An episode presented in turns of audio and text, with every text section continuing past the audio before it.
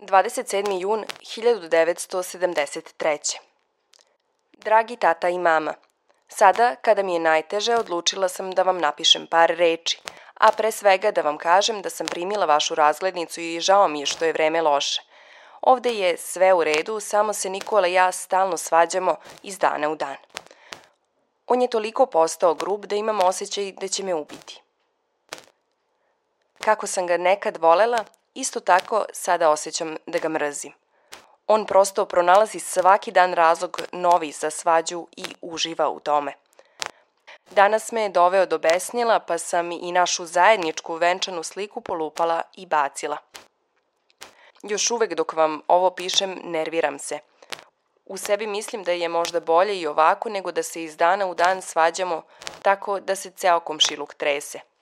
Nisam htjela da do ovoga dođe, jer kada sam se udavala mislila sam da je brak ipak nešto lepše i bolje, ali nije tako kod nas, u ovoj kući, gde se čovek ne može ni odmoriti od vike i psovke bez razloga. Ovo pismo smo dobili u redakciju podcasta Umologija. Donela nam ga je Ana, unuka žene koja je ovo napisala. Možemo da je nazovemo Marija. Naravno, ime Ane kao i ostalih koje budete čuli u pismu su također promenjena, jer nas je Ana tako zamolila. Hajde za početak da upoznamo glavne aktere ove naše priče. Prva žena, autorka pisma, je baka Marija. Sljedeća je mala Nada, Marina Ćerka.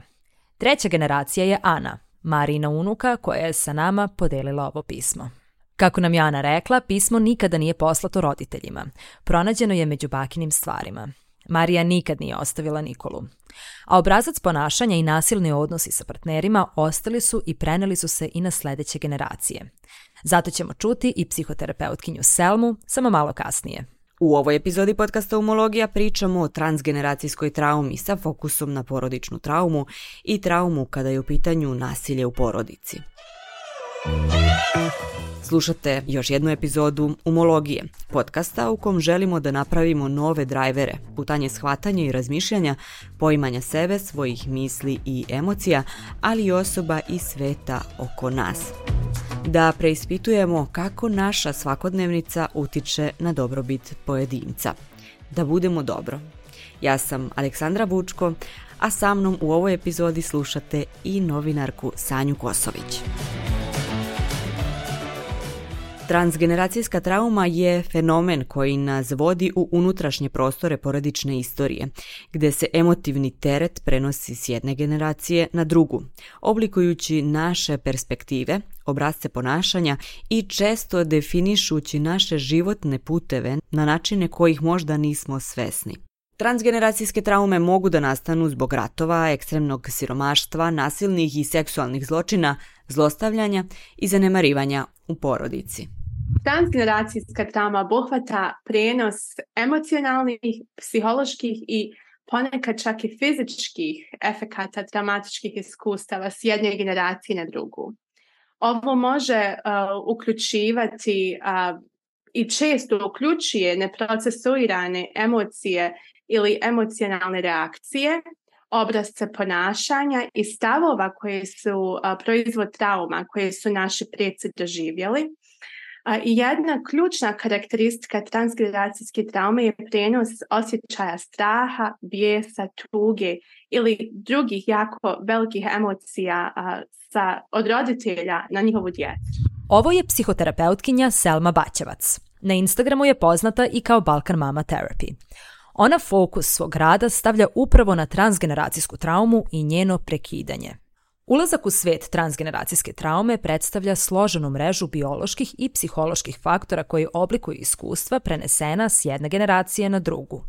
Biološki istraživanja su pokazala da je moguće preneti iskustvo stečeno usled traumatskih događaja na sledeće generacije. U jednom istraživanju grupa miševa bila je izložena određenom mirisu pre nego što su doživjeli strujni udar. To je dovelo do prenosa straha na naredne generacije miševa, na njihove direktne potomke, decu, pa čak i na unuke miševa. Ova sposobnost prenosa traume na potomstvo otvara pitanje o našem biološkom nasleđu i njegovoj sposobnosti da nosi tragove prethodnih generacija. teškoće u uspostavljanju i održavanju zrelih i dobrih veza, pogotovo između partnera, bračnih partnera i tako dalje.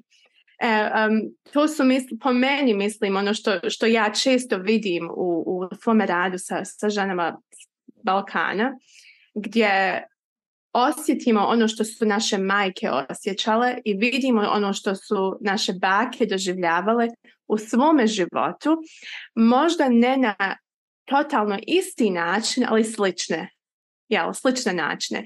I to možemo da vidimo kao te šablone, te generacijske traume, multigeneracijske traume koja se prenosi znači, iz koljena na koljeno kroz naš DNK, kroz naš način um, kako odgajamo našu djecu, kroz kulturu i kroz naše društvo, kako društvo utječe na sve to, kroz sisteme koje ulaze u živote naše djece.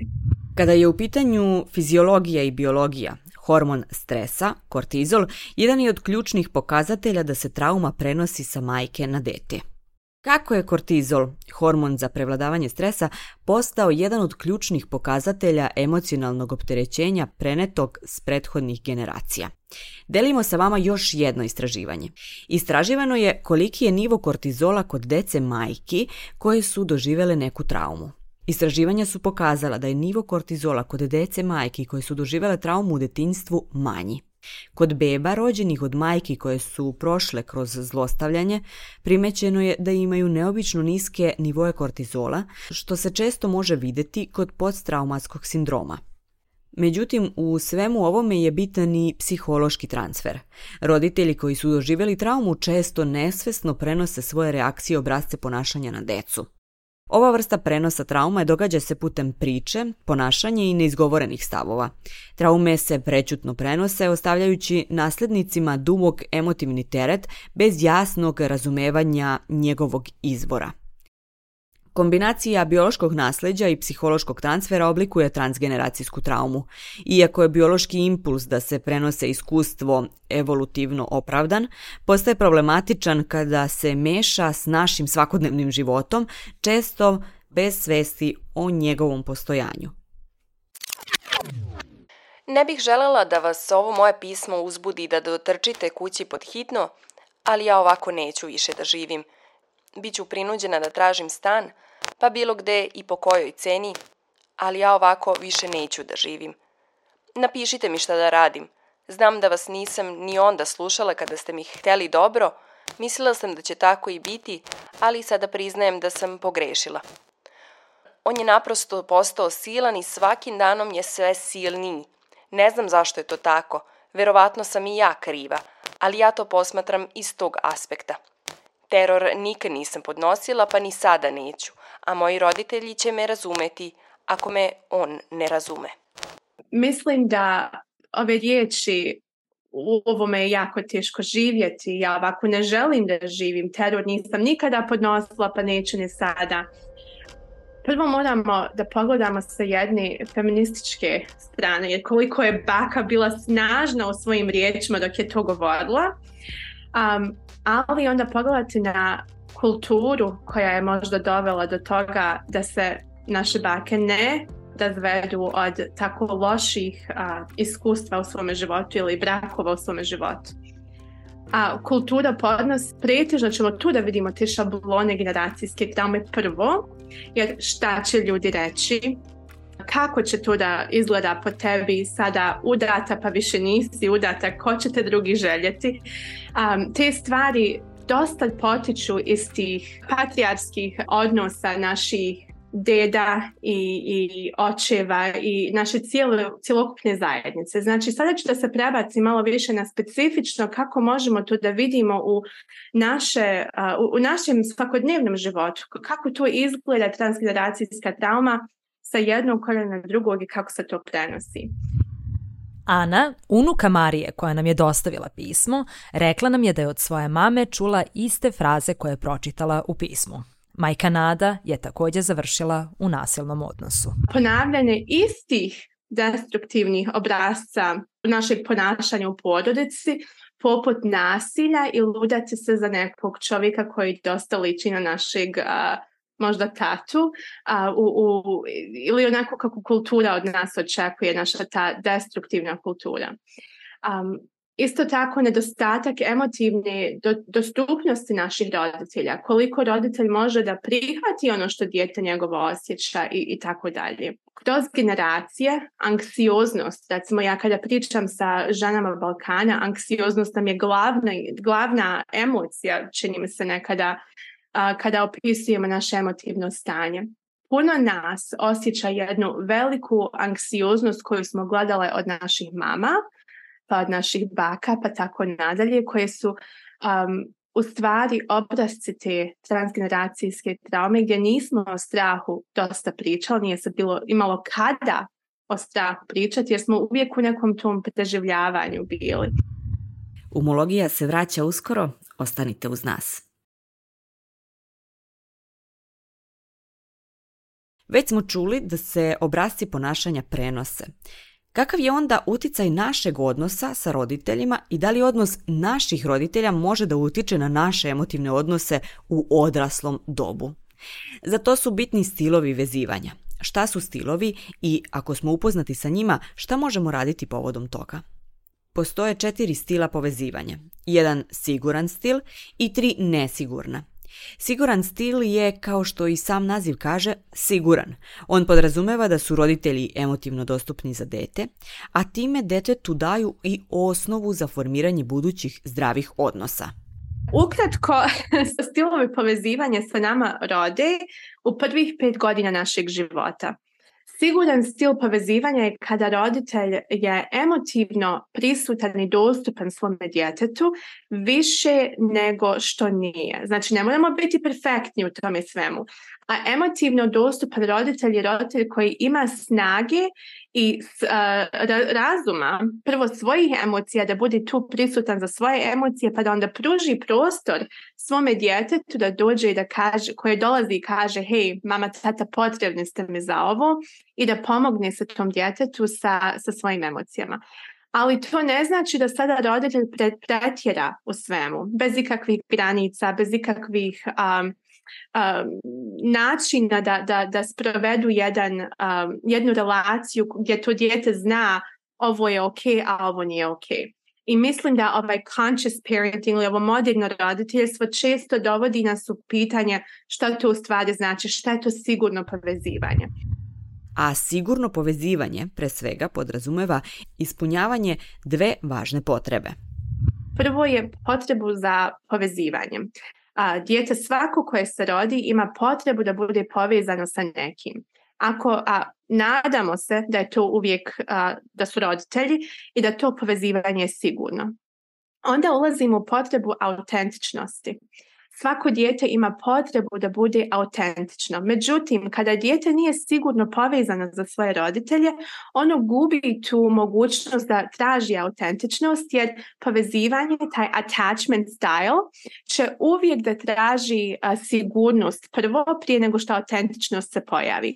A kada nemamo sigurno povezivanje sa našim roditeljima, onda autentičnost se gubi i potiskuje se i zbog toga imamo osobe koje recimo su u 30., 40., 50. godinama i stariji koji se boje da kažu šta žele, boje se da iznesu svoje mišljenje i boje se da um, prvo sebi daju ono što njima treba da bi mogli biti tu prisutni svojoj zajednici. Jel? Imamo jako obrnut pogled na to sve um, da se vratim sada na stilove povezivanja. A u, u stilu povezivanja gdje nismo sigurno povezani imaju tri različita i pretežno su vezani za anksioznost. Kada nemamo to sigurno povezivanje, onda dolazimo do ranije pomenutih nesigurnih stilova. Nesigurnih stilova povezivanja postoji tri, a oni su anksiozni, izbjegavajući i izbjegavajuće plašljivi. Mada svaki nesigurni stil ima svoje specifičnosti, uzrok nastanka, ali i posljedice koje osoba vuče noseći ih su isti. To je emotivna nedostupnost u odnosu prema sebi i ili prema drugima.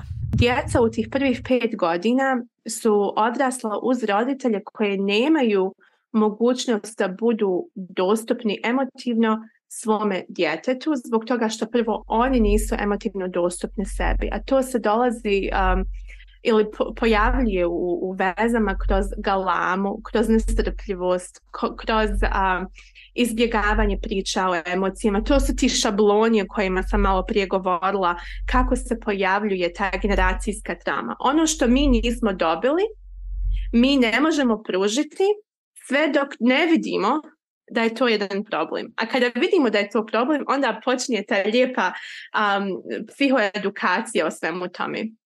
jako je bitno da roditelji znaju da i, i partneri znaju da samo zato što imamo možda jedan nesigurno povezivanje kroz naš život radi našeg ranog djetinstva, to ne znači da se to ne može promijeniti. Um, jedno, e, jedno zdravo razmišljanje o ovom e, stilu povezivanja je da se ono mijenja kroz svaki dan, kroz svaku osobu koju upoznamo, da se ono mijenja i ono raste uz nas, a kada upoznamo osobu koja nam pruža sigurnost, kroz svoj sigurni stil povezivanja, naše tijelo automatski se privlači to, uzima od toga i uči kako to da pusti samom sebi, znači kako sam sebi da budeš dostupan. Um, roditelji koji ovo slušaju, želim samo da kažem da nikada nije kasno to da se vidi i promijeni kod sebe i da uvijek ima prostora da, da budemo bolji i, i ne samo bolji, nego prisutniji sebi i svojoj djeci. Jedino mi je žao male nade, za koju sam se žrtvovala zajedno sa vama i koju jako volim i koju sam htjela izvesti na pravi put zajedno sa njim. Ipak, vidim da od toga nema ništa, jer ona ovako neće ništa pametno ni vidjeti ni čuti od nas, sem vike i svađe, a do koje je došlo samo zato što on uvek podjebava. Pravi se veliki muškarac. Valjda misli da sam ja navikla na to u našoj kući kod mojih roditelja. Neki od znakova da je osoba preživjela traumu pa čak i da je, na primjer, dete preuzelo obrazac ponašanja od roditelja koji ju je preživeo, su nedostatak poverenja, bez frustracija ili razdražljivost, duboka nesigurnost, stid, anksiozni poremećaj i depresija, disocijacija i umrtljenost, hiperbudnost, nekarakteristično ponašanje i gluma da sa dvije strane moramo to da pogledamo. Prvo, da iskoristim jednu prelijepu rečenicu moga mentora, dr. Gabor Matej, a, koji govori traumu kada vidiš, više, više uvijek ćeš biti svjestan. Kada pogledaš u traumu i kada je vidiš, tada je počneš isciljivati. Međutim, naš nervni sistem, sada ću malo neurologiju da ubacim u, u naš razgovor, Um, naš nervni sistem nosi sa sobom već predispoziciju um, neke sigurnosti kada smo rođeni, kada uh, počnemo svijet oko sebe da razumijemo i gledamo. Naš nervni sistem osjeti sigurnost u onome što zna. Ne ono što je dobro za nas, nego ono što zna. Tako kada vidimo nešto um, da je možda ne baš dobro za nas, ali znamo kako to da se ponašamo, to naš nervni sistem vidi kao neku sigurnost, neku lažnu, nažalost, sigurnost, ali je sigurno. Znamo da ako se to desi, ovako se kroz to mogu ponašati i preživjet će to. Ali mi kada počnemo biti svjesni da ti obrazci te generacijske traume se baš pronalaze u našim interpersonalnim odnosima sa ostalima, pogotovo sa našim romantičnim partnerima, možemo da uvidimo koliko ta trauma u stvari donosi tu lažnu sigurnost, u to što je nama atraktivno, što je dobro za nas. Evo jedne jako važne poruke od Selme ako želimo da prekinemo obrazac ponašanja i tu transgeneracijsku traumu. I kada postanemo osvješćeni time, najbitnije je početi nježno psihoedukaciju da radimo. Za lečenje traume, isceljenje, potrebna nam je barem jedna sigurna i čvrsta veza. Selma kaže da zapravo nije u tom momentu bitno da li je u pitanju profesionalac kao što je psihoterapeut, psiholog ili coach. To mogu da budu i prijatelji i romantični partneri. Na kraju dana važno je da pronađemo nekoga ko nam daje sigurnost da budemo ranjivi. Tu nam je potrebna jedna sigurna i čvrsta veza. Dosta je bitno samo naći osobu koja nam može dati sigurnost da ranjivo vidimo sve te dijelove sebe koje vučemo kroz generacije i da na njima jako nježno i sa samopouzdanjem radimo.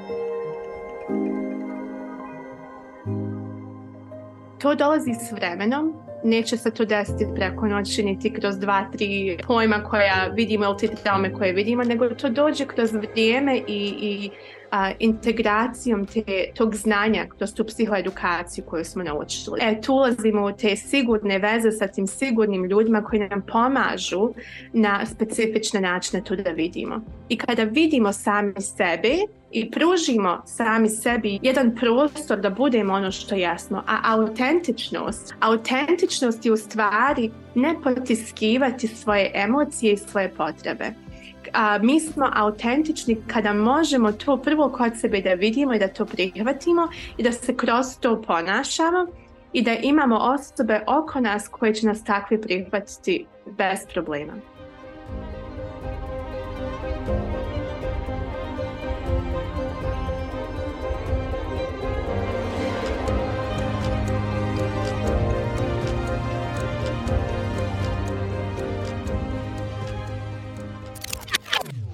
Za sada toliko. No primite puno pozdrava od vaše čerke koja vas jako voli i poštuje, bez nervoze, jer do ovoga je moralo doći. Ja bih se kad tad sa ovim čovekom bez karaktera morala rastati. Pišite mi odmah, a nemojte doći zbog ovoga kući, jer bit će mi krivo da zbog mene, jedne obične vaše čerke, pokvarite odmor. Voli vas, Marija da ne postoji to generacijsko isciljenje. Mislim da bi dosta nade se gubilo u, u naše čovječanstvo kao prvo. Opet da se vratim na ovu jednu rečenicu, kada vidimo traumu, mi počnemo iscijeljivati traumu. Znači, potrebno je samo da postanemo svjesni da nešto što je se dešavalo kroz generacije, samo zato što je tradicija ili samo zato što je pod navodnicima kultura, ne znači da je dobro za nas. Tradicija se stvara iz generacije generaciju nova i možemo da budemo ok sa tim da to pogledamo u oči i kažemo hej, ako ovo šteti meni, šteti mome društvu, šteti mome djetetu, možda ovo nije ok. I ako to nije ok, možemo da pogledamo to malo iz sa generacijskog pogleda, odakle je ovo počelo, zašto je ovo počelo i puno puta ćemo vidjeti zbog čega, izboli te generacijske traume su prenešene iz tih mehanizma za preživljavanje jedne na druge. A u istu ruku mi dolazimo iz naroda koji je dosta toga prepatio, ali ipak smo i dalje tu. tu smo, jaki smo, čvrsti smo, znamo ko smo i šta smo. I jako mi je drago da u nama nosimo jednu mudrost, generacijsku mudrost. I kada vidimo te traume, mi isto tako vidimo i ovu mudrost. I manje vremena kada provodimo u našem preživljavanju, mi tako rušimo te cikluse jer onda unosimo ovu mudrost koju nosimo u sebi i tu mudrost koristimo kao razbijanje tih ciklusa koji nam više ne trebaju i stvaramo jednu puno ljepšu i zdraviju emotivnu sliku sebi, a i svome društvu i svojoj porodici. Važne poruke koje možemo da izvučemo iz ove epizode. Trauma se prenosi sa generacije na generaciju. Za to je zaslužna biologija ili evolucija kao mehanizam preživljavanja i prenošenja iskustva sa kolena na koleno koje zapravo nije zdravo ali ona se prenosi i psihološkim transferom, to jest ponašanjem. Deca gledaju kako im se roditelji ponašaju i uče po modelu. Ne kopiraju samo pokrete ruku, mimike, gestove i slično, već i načine izražavanja, pa čak i odnose unutar porodice. Međutim, kao što je psihoterapeutkinja Selma Baćevac rekla, kada vidimo traumu, mi počnemo isceljivati traumu. Za to je potrebno vreme i trud psihoedukacija, rad na sebi i sigurni odnosi koji nam dozvoljavaju da negujemo svoju autentičnost. Ana, Marina unuka, videla je traumu. Uočila je šablone ponašanja iz reči koje je koristila baka u pismu u ponašanju svoje mame, a na kraju i u svojim odnosima. Zato je krenula da razbije šablone, a zato je i podelila ovo pismo sa nama i sa vama da bi pričali o ovoj važnoj temi i počeli znanjem da isceljujemo transgeneracijske traume kod nas. Možda je jedan od načina pričanja o ovoj temi i taj što ćete epizodu proslediti osobama za koje smatrate da će im koristiti.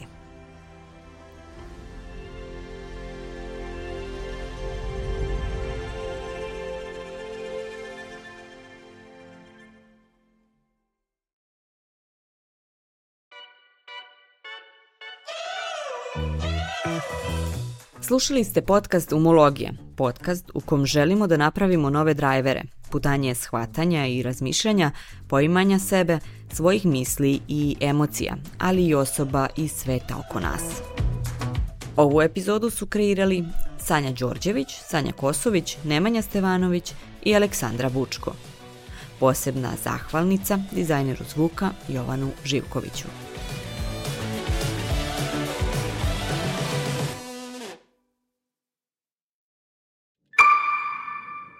Produkcija Fabrika kreativnosti